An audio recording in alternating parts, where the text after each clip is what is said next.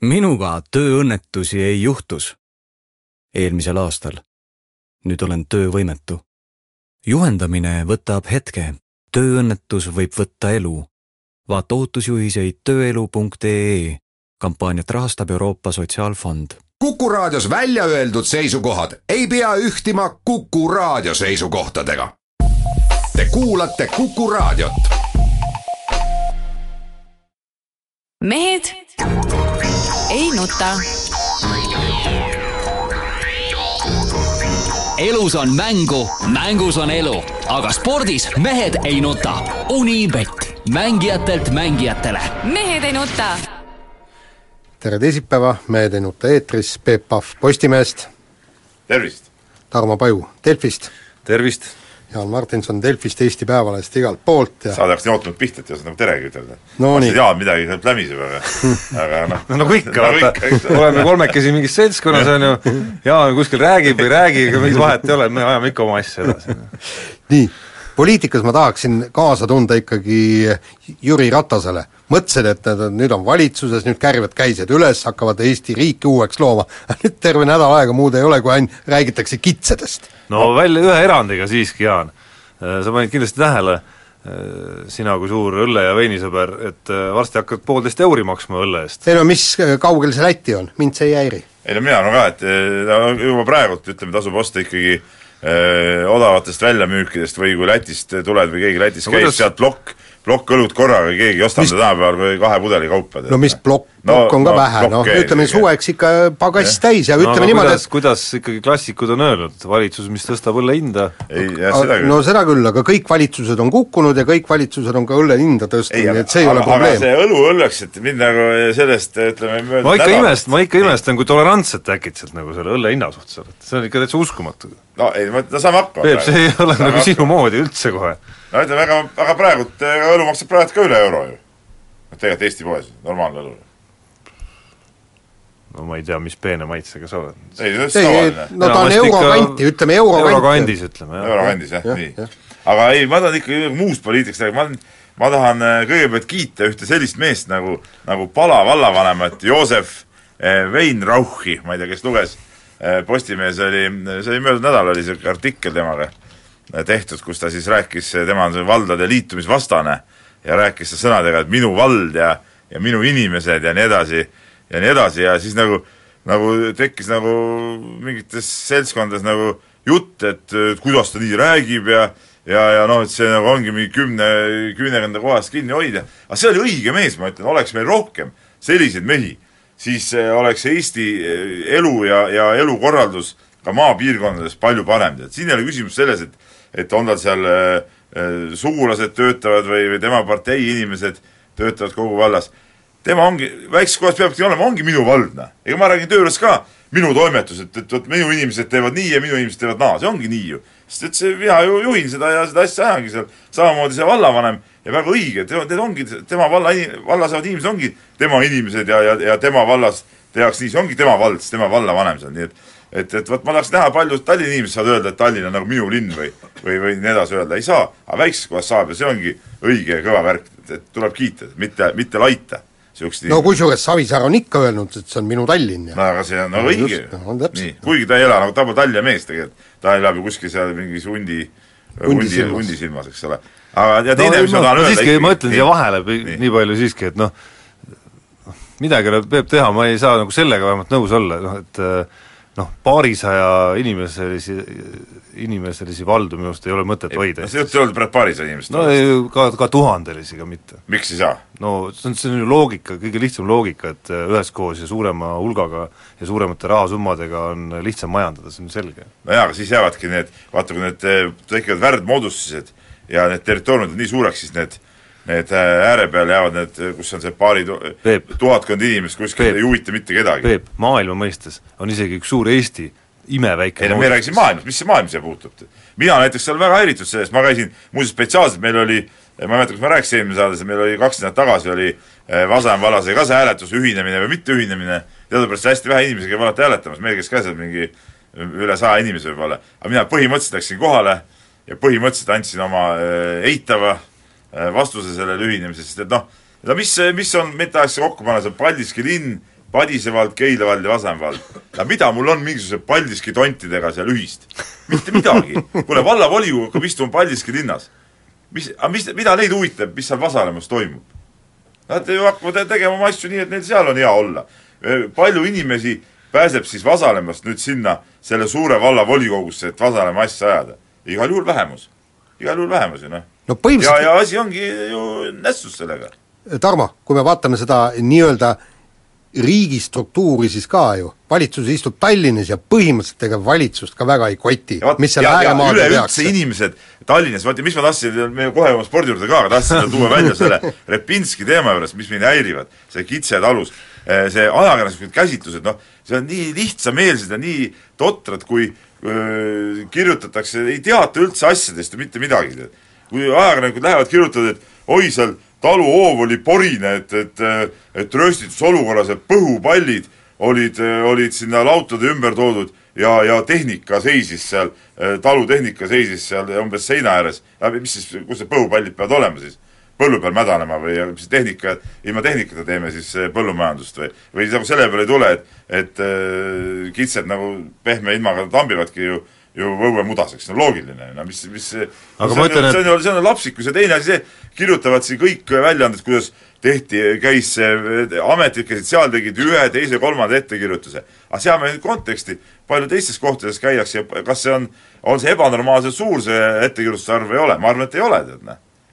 Aga sa ei tea, sa arvad. et no lihtsalt ma, ma tahan olles nagu kuulnud, kuidas asjad käivad, siis ma võin üsna kindlalt öelda, et see jah, ei aga ole noh, ebanormaalselt aga noh, vastukaaluks sa pead, peab siiski tunnistama ka, et ettevõtte ainus juht võiks siiski teada, palju tal on töötajaid, palju seal palka makstakse ja nii edasi on. eriti, kui sa kutsud pressikonverentsi kokku, kus sa lubad kõikidele küsimustele vastata ei, ta on udu ka olnud, ei ma selle kohta ei ütle midagi. no lihtsalt küsimus ongi selles, et kui sa aga, oled sellistes asjades udu, kas sa siis ministrina ei ole udu või? No vähemalt ta on ja mina pooldan muuseas spetsialistide valitsust, vähemalt ta jaga, teab asja, mismoodi see eh, maaelu käib ja niisugune peabki olema maaeluminister No, mitte ei ole- mingi, mingi linnavend, selles osas oli Tiit Vähi valitsus omal ajal oli hea, seal olid nagu spetsialistidest ministrid ja see oli õige asi. kusjuures ma ei ole kindel, et see Repinski väga hästi teab, kuidas seda maaelu juhtida, aga see see selleks, ettevõte on püsti pannud no jaa, aga no noh, no, no mis, läheb tal ettevõttel hästi või? ei Ei lähe lähe. ei, väidetavalt ei lähe aga. vähemalt ta suudab seal midagi teha. no midagi teha suudame ka meie, no mul sina, Jaan, ei Kuule. ole mitte kunagi mitte midagi teinud. see ma... töö, mida meie teeme, see ajakirjas, see on ju naljatöö, see on ju Kuule. siidikinnastes roosanäppude töö. kuule, kui sa teaksid, kui, kui head kurgid ja äh, väärkurgid mul kasvavad. aga hakka neid kasvatama, hakka sellest elatuma, Jaan. hakka sellest elatuma, siis tule rääkima. nii, okei okay., elatame nüüd sellest, et räägime spordist ja räägime alustuseks äh, vormel ühest ja me peame paratamatult sellega leppima, et äh, Nico Rosberg lõpuks sai oma võidu kätte, krooniti maailmameistriks ja tühja sellest Rosbergist. hakkame sellest kohe pihta, et eh, mingi arusaamatu lamin on läinud lahti sellest, et Hamilton viimasel etapil nagu tegi midagi vääritut. kuule, mees tegi ju kõik absoluutselt õieti, mees ju võitles võidu nimel, maailmameistritiitli nimel, mis ta tegi, mis, mis mõttes, mis mõttes oleks pidanud kiiremini sõitma? ta sõidabki taktikaliselt nii, nagu vaja on parajasti, tead näe. Milles küsimus nüüd on, ma ei saa aru, see on ju, see on ju lollus kuubis ju. kui oleks keegi suutnud sealt mööda sõita, kaks meest äh, Rosbergist, oleks ta ju tšempion olnud ja kõik oleks korras ja, ja kes keelas Rosbergil mööda sõita. seda mööda, kui sa nii kõ- kõva vend oled, eks ole, täpselt noh. et selles suhtes see on täitsa, täitsa totrus kuubis no. see oli ainus taktika, mis Hamiltonil üldse nagu oli tegelikult, et et äh, selline täitsa ohoo elamus oli, et ai kurja, näed muidugi, nii saab ju teha küll veel Noh.. jah, aga kus, kusjuures see, tõesti see, kogu see vormel üks on ikka nii pehmoks äh, kätte ära läinud, sellepärast mulle see Nico Rosberg ka eriti ei meeldi, niisugune va- äh, vaikne tagasihoidlik vend, kes, kes nagu siin oligi, ta, ta hoidus võitlusest, oli seal Hamiltoni taga, mis sa arvad, mida oleks Senna Schumacher teinud? oleks lihtsalt äh, läinud sealt mööda sõitma. Ja praegu me räägime, et vaata, et ta võttis hoo maha, vaata milline patt, mäletad omal ajal, Senna ja Schumacher lihtsalt rammisid Rammis üksteist välja kohe üksteist välja täpselt. kõike no seda enam, et äh, no okei okay,, rammimine on alati vähe riskantne värk, et äh, nad on ramminud ka niimoodi, et äh, üks jääb sõitma ja On. teine, teine sõida, teine jääb seisma, et aga kui mõlemad oleks välja läinud, oleks ju kõik korras olnud Rosbergi jaoks. no ja ab- absoluutselt, aga, aga saad aru, toona loeti seda rammimist, öeldi jah, see ei ole õige, aga see on vormel ühe osa ja nüüd öeldakse, et, et kui vend võtab hoo maha, et see on mingisugune täielik jama ja patt ja aga kõik need uued Aga- tsemperid ongi, siis peame vaatama, mismoodi see Vettel kogu aeg ka ju, ju kiunub, eks ole, tead. kogu aeg on tal häda, et see küll seal see Verstappen sõidab liiga ohtlikult ja küll tehti nii ja naa, tead, no mis aga ma siiski, ma siiski on, nii palju oleks, ma arvan, õige öelda, et vähemalt Rosberg ise ei ole küll kordagi kiununud pärast seda viimast etappi Hamiltoni taktika osas. jaa, tema ei ole jah, aga et see on, see on, seda on teinud ikkagi tiimi, Mercedese tiimi bossid ikkagi. jaa, ja ka mingid vaatlejad ja mingid mingid vanamehed kuskilt äh, ei tea, mis asjad on hakanud rääkima. aga eelkõige, aga noh, teine küsimus, mis tekib ikka veel tagantjärele, on see, mida tänasest Päevalehest ma lugesin ka, küsimus on üles, et et mida ikkagi Hamilton nagu mingitel hetkedel, eriti hooaja algul tegi, kui kui, kui nendel hetkedel, kus asi tõsiseks läks, suutis ta ikkagi väga veenvalt kogu aeg esimene olla et äh, kas ikkagi oli nii, et ta mingil hetkel, eriti hooaja algul, ei võtnud seda asja piisavalt tõsiselt? no võis olla kindlasti tal mingi motivatsioonilangus või mingi asi, et oli raske ennast käima saada. aga ma ei ole nõus selles suhtes äh, Toomas Vabamäe selle käsitlusega, et et ei mõjutanud see tehnilise rikke tõttu jäänud, ära jäänud punktid. Et, aga... et ikka, kui seda poleks olnud, oleks ikkagi jaa, aga ütleme, see katkestamistega kaotatud punktide vahe nüüd nii meeletu ei olnud, et üks katkestas kaks, teine ühe hooaja peale. ei no aga et see, see ei olnud nii metsik vahe. ei no sellest oleks piisanud, et tulla võita vahel viis punni. ei muidugi oleks piisanud jaa, aga see ei olnud ikkagi nagu nii meeletu vahe. et hooaja sa... algus oli Hamiltonil kohutav ikkagi ka sõitjana. jaa, aga kusjuures mille pärast sa katkestad, sellepärast et lihtsalt auto laguneb ära. sina ei ole siin mit-, noh, sina ei ole põhimõtteliselt süüdi. mehed ei nuta. Elus on mängu, mängus on elu, aga spordis mehed ei nuta. Unibet, mängijatelt mängijatele. mehed ei nuta. jätkame saadet kiire vahemänguga ja nagu selgus, äh, tuleb politseinikke ja piirivalvet nahutada, sellepärast et äh, fantastiline nii-öelda spordisündmus või, või noh, spordi taassünd jäi, jäi Eestis ära, et, et me hakkasime tahtsid, tahtis üks mees hakata maahokit taaselustama Eestis, aga tõi kõik ilusasti egiptlasest treeneri kohale ja kõik, ei antud tööluba. ja nüüd ongi kõik, nüüd ei ole meil mingisugust lootust võib-olla tulevastele medalitele, Euroopa meistrivõistluste või olümpiamedalitele. nagu, nagu kahest, kahelt poolt, eks ole. esiteks, eh, minu arust Eestis niigi palju neid alasid, et, kas meil on seda maahokit siia juurde tarviski, võib ka nii seda asja võtta, meil ei jätku, meil ei jätku lapsi siin teiste aladel. ma pigem, pigem vaatakski asja nii, nii.. aga, aga ma tahaks ikkagi natuke äh, urjutada seal, ma lugesin ka seda artiklit ja tead, väga, väga huvitav artikkel oli.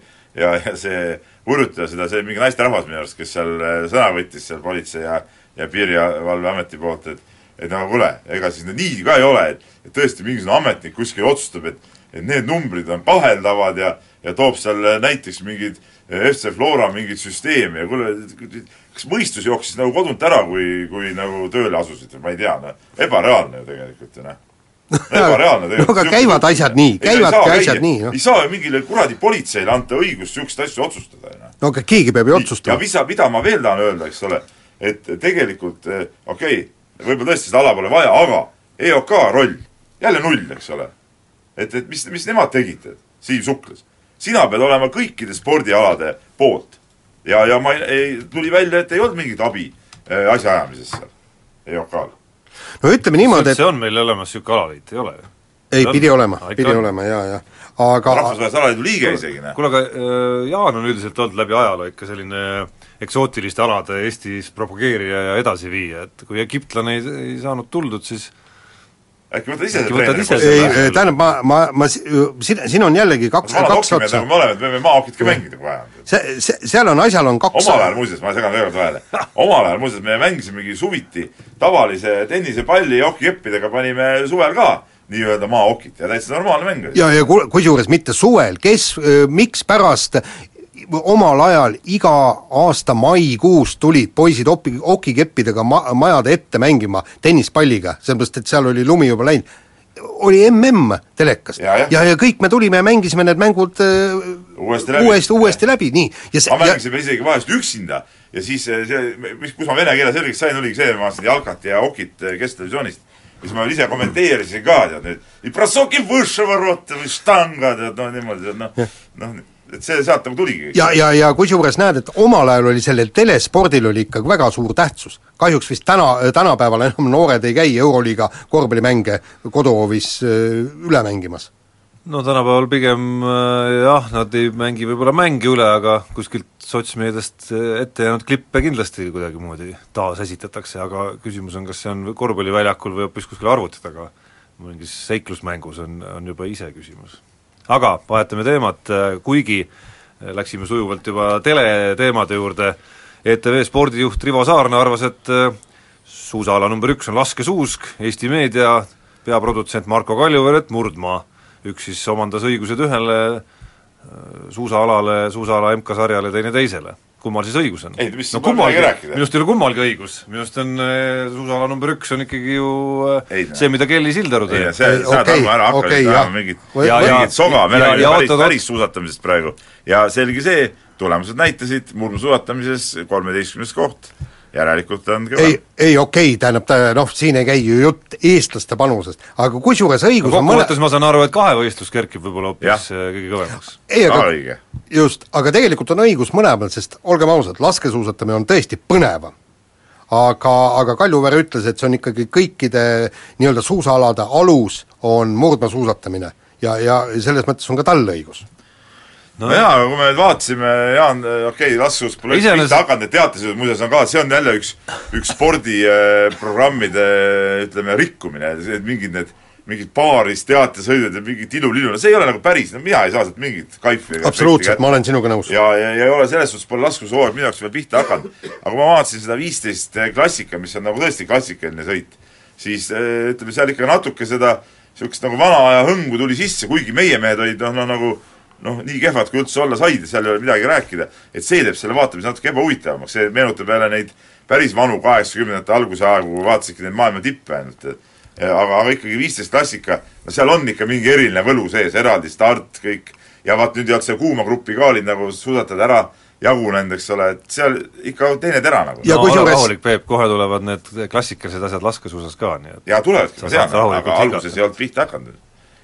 nii, ah soo, nii ja mina ise pean võtma siis sõnajärje üle ja, ja no rõõmuhõisked, hüüded, hurraa, võimas, suurepärane, sest et Eesti jalgpallikoondis võitis eh, Antigua ja Barbuda koondust üks-null ja see oli nendes, nende Eestiga võrreldes tabelis ka ju kõrgemal kohal olev võistkond. Oluliselt, jah. nii et suurepärane võit, aga aga paha lugu on see, et FIFA edetabelis vaatamata hiilgavale võidule langes Eesti saja kahekümne esimesele kohale. vaata, si-, siin ongi nüüd äh, jällegi kaks punkti.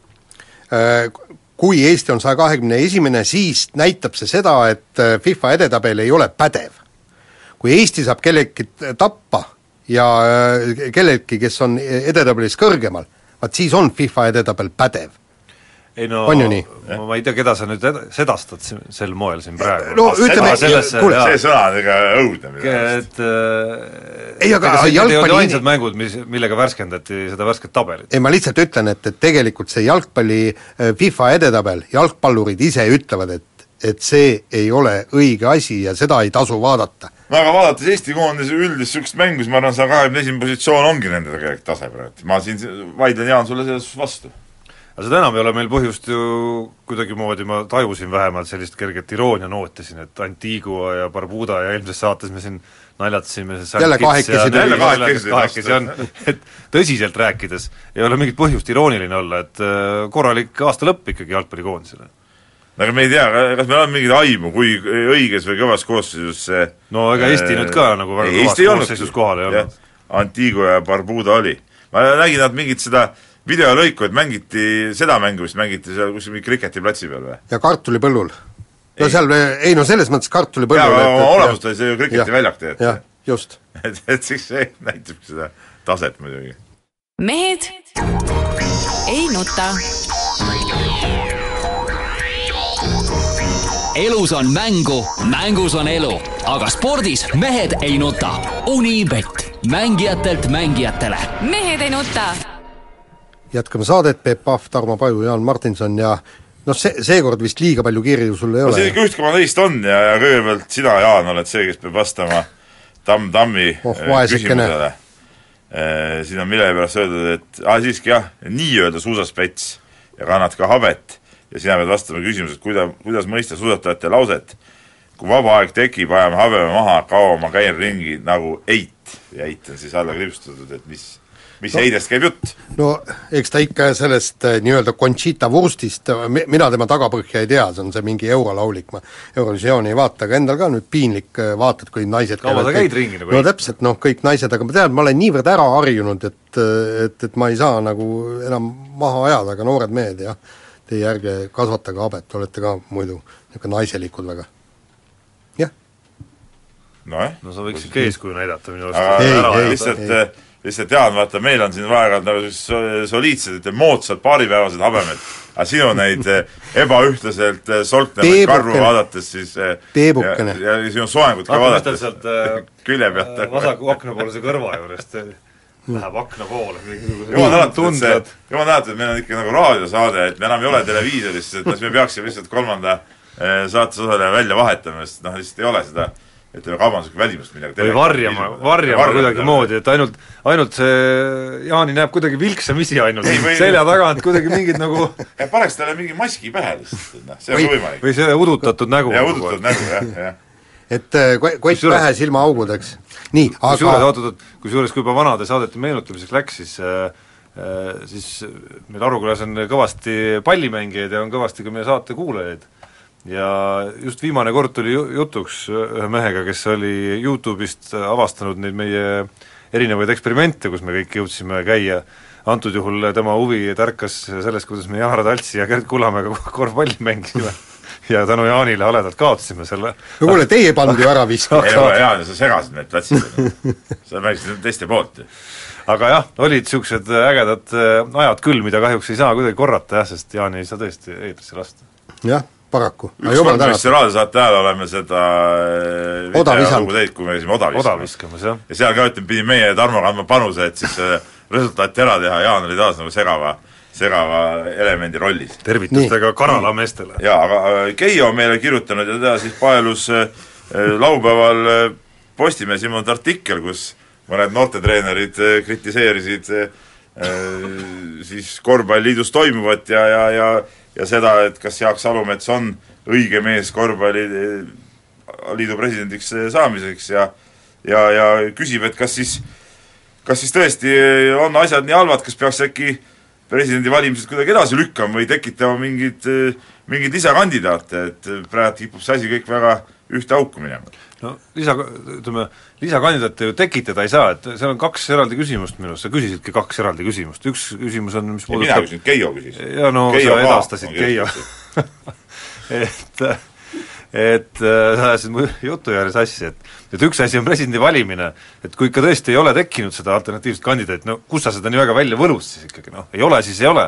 aga see ei tähenda seda, et et ei saaks kriitiliselt vaadata nüüd otsa sellele, mis toimub selle ühe presidendi ümber, mis on tema plaanid, mida peaks Eesti korvpallis paremini tegema, mida on kehvasti tehtud, selles mõttes oli minu arust väga hea lugu, kus oli oli, kui, kui reaalselt on Eestis noorte treenerid, kes on selgelt ju asjast väga palju teadvad inimesed, kellel on sellised mõtted ja kes juhivad tähelepanu sellistele kitsaskohtadele, siis miks, miks ei peaks seda kajastama? no absoluutselt, minu arust tead, peaks veel rohkem tulema neid igasuguseid mõtteid välja, et kui meil ongi teada, et meil on üks presidendikandidaat, noh, kes nagunii saab valitud, no ol- olgem ausad, eks siin nagu väga suuri kahtlusi ju, ju ei ole, et ta valitakse detsembri keskel Salumets alade presidendiks, siis praegult ongi just see õige aeg tuua neid igast probleeme ja nurki välja, millega siis uus president peab hakkama kohe tegelema, et, et see, et pärast on nagu mõttetu rääkida, praegu on just see probleemi tõstatamise aeg tegelikult. no. minu arust need mured, mis sealt nagu läbi jooksid, läbivalt paar tükki, noh, olid ju väga asjakohased,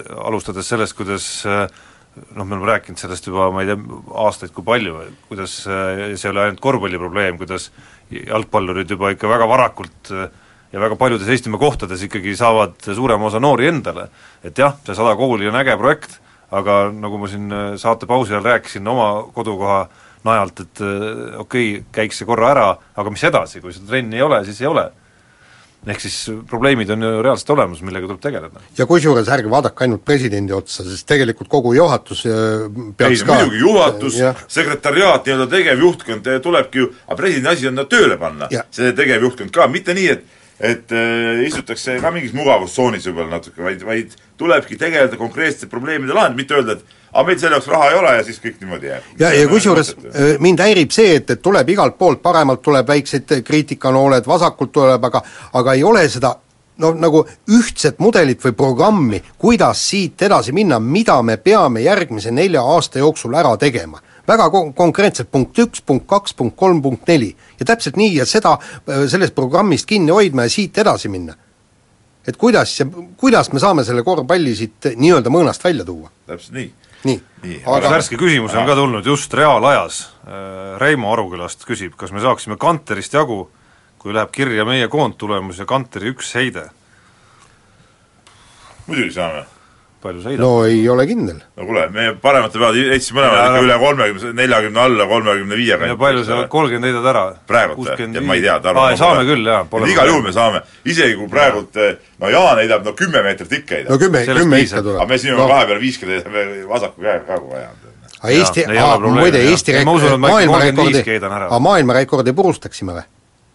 seitsekümmend neli, jah. Tegelikult, küsimus. tegelikult ma arvan küll, sest ma usun, et Jaan isegi suudab äh, äkki kakskümmend meetrit välja aga tegelikult võiks ju selle võtta ükskord ette. ma tunnistan ausalt, ma ei ole ketast heitnud, no ma pakun välja, viimati heitsingi võib-olla, kui meil oli viimane äh, mitmevõistlus, kui me tegime, sest juba kümme aastat möödas äkki või? jah, no mina heitsin viimati aastaid kolm-neli tagasi, kui toimus Aruküla heitjate kolmevõistlus. ma praegu petsin, ükskord kodus vana kuuri lammutades leidsin vanad kuulid kettad, siis poisil näitasin, kuidas see asi tegelikult käib. heitsin ühe heite paigalt, tõmbasin eh, vastu männitüve, nii et männitüvi pidi peaaegu pooleks minema, aga siis tegin ühtse sellega enda seljale haiget ja siis sinnapaika jäi kõik. nii, no selle Okei. teeme suvel ära siis. Jah. teeme suvel ära. nii, aga äh, lähme nüüd siis teemade juurde tagasi ja äh, eile nagu selgus, Eesti Televisioon ei kanna siis kahte järgmist olümpiamängu üle ja paratamatult Eesti publik peab siis leppima spordivõistlustega keset reklaami või siis reklaamiga keset spor-, spordivõistlusi, kuidas pidi võtta. et äh, kes selle äh, olümpiamängud endale saab, seda me ei tea. no Kanal kaks ikkagi teab. no Peep siin Ei, ütles, et tema ei tea, tema on ka ei, sama selles suhtes ei ole mingit uudist veel ju tulnud, Jah. ei saa enam siin midagi ütelda. no okei nii, aga no see, kes saab, see on üks asi. hullem asi on see minu arust, et tegelikult eh, ETV sporditoimetus jäi olümpiast ilma, et see on nagu iseenesest nagu eh, halb tegevus. et, eh, et minu arust siin ma ei taha kunagi nagu kolleegide mängumaale väga minna ja, ja neid kritiseerida, ma olen seda varem ka öelnud, aga aga siin ma näen nüüd küll kohta, kus sporditoimetuse juht peaks nagu nii-öelda nagu öeldakse, peeglisse vaatama, et et kas ikka sai nagu kõik tehtud päris. üks asi on see, et, et sa räägid läbi ja ja, ja mis see hind on, teine see, et kas sai kõik tehtud selleks, et et eh, riigi poolt seda raha leida, noh. no ja mitte ainult sporditoimetuse juht, vaid kogu Vaid kogu ETV juht ETV kindlasti.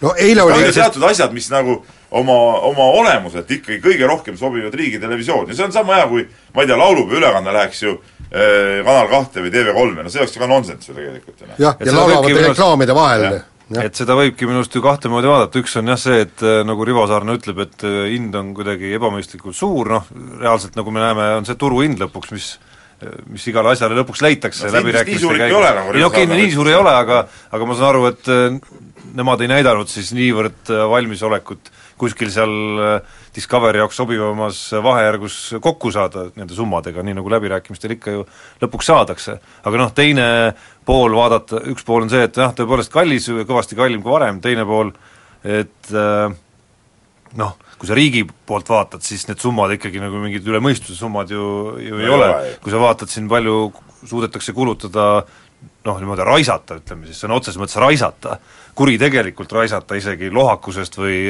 või oskamatusest riigijuhtide poolt raha, siis, siis selle kõrval on see summa kuidagi noh, Ikka- ikka ikkagi väike. suhteliselt väike. Jah. ja, ja kusjuures noh, nagu ma Tarmole saatesse tulles ka ütlesin, meil puudub ühtne spordiprogramm Eesti riigil ja just see olümpiamängude ja spordivõistluste ülekandmine Rahvustelevisioonis peaks olema üks selle osa, sest sellega me äh, kasvatame noori, see on puhas, kasvatame noori. puhas, puhas jah, ideoloogiline küsimus ju tegelikult, noh. just, ja, ja, ja see peaks olema mitte kommertslik olümpiamängud, vaid just ilma reklaamideta puhas kena sport, mida tõesti no ETV ikkagi on siiamaani teinud päris hästi. et see, kui mõni mees ütleb, et, et see on nagu äriks pööratud ja, ja tuleb ärireeglite järgi seda tegutseda, siis siis jah, kahjuks ta on äriks pööratud, aga, aga seda ei saa õigeks pidada mitte, mitte mingist äh, nurgast tegelikult, et kogu see asi ongi võib-olla maailmas ka liiga globaalsemalt vaadata, ongi liiga äriks pööratud, see olümpism aga kas sa oma majas siis äh, nagu manitsesid, et ei, et ärme meie paku ikkagi, et las see, las see ETV ikkagi võtab selles suhtes endale? vaata, ei no see asjad ei ole niimoodi, Tarmo. saad ju väga hästi aru. loomulikult, kui me selle saame, siis loomulikult me teeme kõik nagu nii hästi kui võimalik ja, ja see on kõva asi, meile on see muidugi kasulik. ma räägin praegu üleüldisest eh, vaatevinklist, noh et, et see ei saa, et see ei ole nagu iseenesest nagu ideoloogiliselt ei ole minu jaoks nagu õige. aga loomulikult, kui, kui ETV on nii saamatu ja sporditoimetuse juht on nii saamatu, et nad ei saa seda teha, siis, siis loomulikult tuleb meil haarata härjal sarvist või kellelgi teisel härjal sarvist haarata ja see asi ära teha no.. aga üleüldiselt vaatenurgast oli ikkagi huvitav ka see, mis eile ühel hetkel toimuma hakkas. Et nagu ma aru saan, siis paari päeva pärast on oodata ametlikku teadaannet, et Discovery on müünud need õigused järgmisele kahele olümpiale siis Kanal kahele või Eesti Meedia Grupile, ehk siis ETV siis saades ka aru, et asjad on nii kaugel, ennetas seda uudist, et saaks nüüd enne seda noh, hästi vaba mikrofoni ja rääkida ära kõik, mida nad ise tahavad rääkida sellega seoses. no,, kuidas eile..., kuidas see kõik on, kuidas see hind on ikka väga ebamõistlik ja ja, ja nii edasi ja nii edasi ja kuidas tegelikult äh, Eesti maksumaksja huvides on kõik see, et, et nad ikkagi kaasa ei läinud sellega. seda kindlasti, aga paar päeva tagasi, kui Jaan, sa kirjutasid ka loo, minu arust oli sinu lugu see, kus Rivo Saarna rääkis mingit käimatest läbirääkimiste asjadest, noh, noh see oli ju ka ju udujutt juba no, tegelikult, eks ole, ja teiseks no. see, mis sa eile veel oli tehtud spordiuudistesse see lõik seal, kuidas kallid televaatajad, ärge muretsege, te saate kõik sportlaste intervjuud, saate pärast kätte, no mis, see on ju, see on ju see on, see oli hale jutt ju, no mis, keda huvitab see pärast see intervjuu, kui sa võistluses ennast ei, ei näe, ei näita, no mis ja, intervjuu, see on nagu teisejärguline see ja, ja kusjuures ma ei tea, kas telepublik üldse vaatab ja suudab neid int-, nii-öelda sõnumit dešifreerida, aga see oli minu meelest ka äh, härra Allikmaa siis äh, ERR-i juht äh,, kui ta hakkas seal rääkima, et noh, tegelikult on ikkagi äh, hea, hea, et me olümpiamänge ei näita, sellepärast et siis need, kes pole spordist huvitatud, saavad äh, vaadata muid programme et siis tähendab, et kui öö, mängud oleksid olnud ETV-s, siis nad ei oleks nagu Kanal kahest muid saateid saanud vaadata. täpselt no, samamoodi oleks saanud no pigem vaadata. seda lauset saab pöörata nii, et kas sporditoimetuse juht peaks ikka seda ütlema? tema võib ikka spordi ei, seda, seda, ah, seda, seda, seda, seda, seda ütles Allikmaa, aga no ikkagi. ja, ja noh, tegelikult ega, ega ka Priit Leito lause ei olnud päris äh, adekvaatne, kes alles eelmisel olümpial siin võttis kõik õigused ära, eks ole, Eestis ja, ja näitas olümpiat, siis nüüd ütleb, et oh, see nagu ei sobigi umbes äh, meie kanalitele ja äh, ei, mina, mina Priidu jutust küll seda välja ei lugenud. ei, ta ütles, et ei sobi nagu väga, mina, mina loen nagu tema sõnumina pigem seda, et nad korra proovisid, said aru, et äh, sellel nagu kommertskanali jaoks, vähemalt nende silmis ei ole mõtet, et ei ole mõtet ja sellega nad on pigem otsustanud, et nad noh, mingi, mingitest tingimustest üle nemad mingil juhul enam seda tegema ei hakka. iseenesest see küsimus muidugi, et, et TV3 ise ei ole siin nagu nii suur otsustaja, et seda ilmselt no just, kontserni tasemel rohkem see asi. aga noh, sama teeb välja. mehed ei nuta. elus on mängu, mängus on elu, aga spordis mehed ei nuta. Unibet, mängijatelt mängijatele. mehed ei nuta saate viimane teema ja mõistagi talisport, Kuusamoos toimusid äh, maailmakarikavõistlused põhimõtteliselt kõikidel suusaaladel.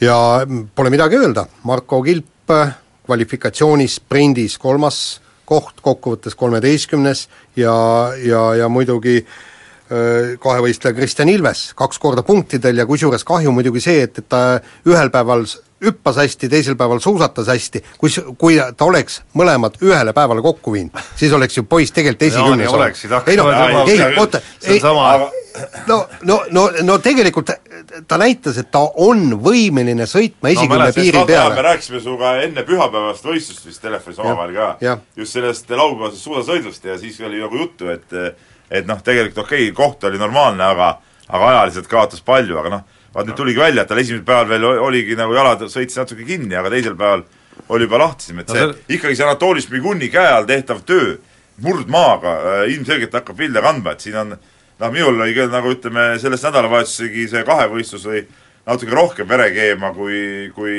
kui see murdmaasõit, eks ole. sellepärast äh, see ongi ju mitmevõistlus, et seal tuleb kaks ala kokku panna, mäletame Allar Levandi aegadest, et äh, tunduda võib see jube lihtne kuidagimoodi, kaks ala, mis see siis on kümnevõistlusega võrreldes, aga mäletame Levandi aegadestki, et see nagu niisama ei käinud ikkagi, et oleks ta Calgary's kaheksakümmend kaheksa teinud kaheksakümne seitsmenda aasta Oberstdorfi sõidu pärast Calgary hüppeid, siis oleks see koht olnud ka ilmselt parem kui pronks. vaata, Tarmo, seal, seal on see asi, et, et Kristjan Ilvesel oli siiamaani oli väga selge, et ta täielikult põrub suusasõiduga. Kõik sõltus ainult hüpetest, kui ta hüppas hästi, siis ta sai mõned punktid. kui ta hüppas ke- kehvasti, jäi punktidelt äh, ilma. see oli mu pühapäeva üks meeldivamaid hetki, kui äh, ma olin näinud äh, vähemalt osaliselt äh, seda hüppevõistlust, näinud ära, et ta jääb kuskile sinna kahekümnendate, kahekümnenda, kahekümne viienda koha vahele, päris lõpuni ei vaadanud, ja siis mingil hetkel nägin äh, kui su- suusatamine oli lõppenud juba ja kuvati ekraanil siis neid äh, tulemusi. Ja noh, jäi siis ootama, et kust see Kristjan Ilves seal tuleb, mõtlesin, et no noh, Tavaliselt loogik- oleks olnud loogika 37 ütles, et ta ei saa olla kolmekümne hulgas. Jah. ja siis ühel hetkel näen, et ta tõusid lausa. jah, täpselt. nii, aga, aga muidugi teine on see Marko Kilp, meil on kogu aeg olnud häd- häda sellega, et me ei saa kvalifikatsioonist edasi. ja, ja no okei okay,, noh, poolfinaali ka ei pääsenud, aga midagi. nüüd vend paigu-, paugutab sellel küllaltki raskel rajal kolmanda koha välja. ja, ja poiss on kakskümmend kolm aastat vana. ei no selge see, vaata tema see potentsiaal juba, seda ajasõitu sõita oli juba tegelikult mõned aastad tagasi juba hästi noorena, ta juba tegelikult ju tegi kõvasid ajasõite. Ja siis läks sõjaväkke. ja siis läks sõjaväkke jälle mingi lolluseks ta tuli välja, noh, Eesti riigi värk.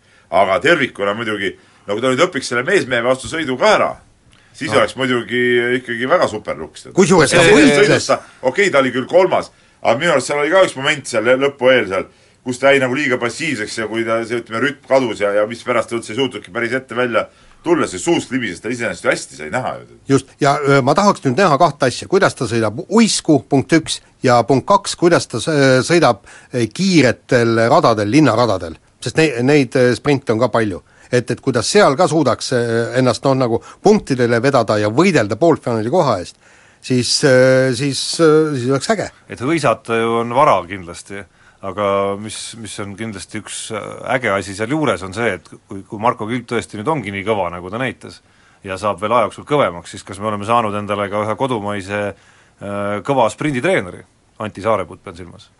no mine sa tea, tegelikult eh, noh, eks ta öö, Andrus Veerpaluga Veerpalu koos ja seal on ka Jah. kõvasti mängus, aga, aga see oleks kena, aga kusjuures samas seesama kamp ju treenib tegelikult distantsisõitjaid, kes pole juba peaaegu tuhat päeva MK-punkti saanud jutt- ja kusjuures see on, see on praegu oli ikka täiesti katastroof see oli katastroof ja ennem räägiti, et noh, okei okay,, selles suhtes oli koondise peatreener, oli natuke eh, adekvaatsem see nägemus, et noh, heal juhul keegi seda võib-olla neljakümnenda koha sisse, eks ole, parim oligi siis viiskümmend kolm, mis ta oli ränk või mis ta oli.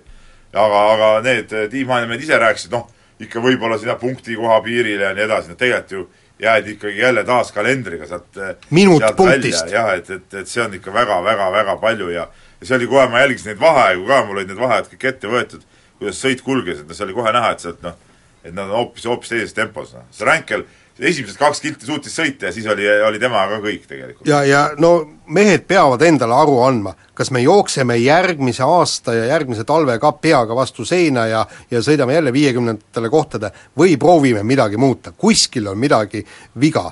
kas teie olete nii kehvad või te treenite kehvalt? rohkem võimalusi ei ole. aga Jaan, nii-öelda meie suusaspets äh, ikkagi, enne kui me saate lõpetame, äh, sprindi tagumisest otsast me leidsime ka ikkagi Eesti mehi, kellest pigem me mõtlesime, et nad on äh, koondise liidrid.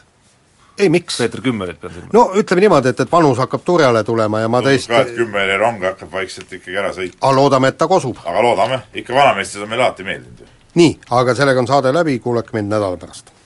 mehed ei nuta.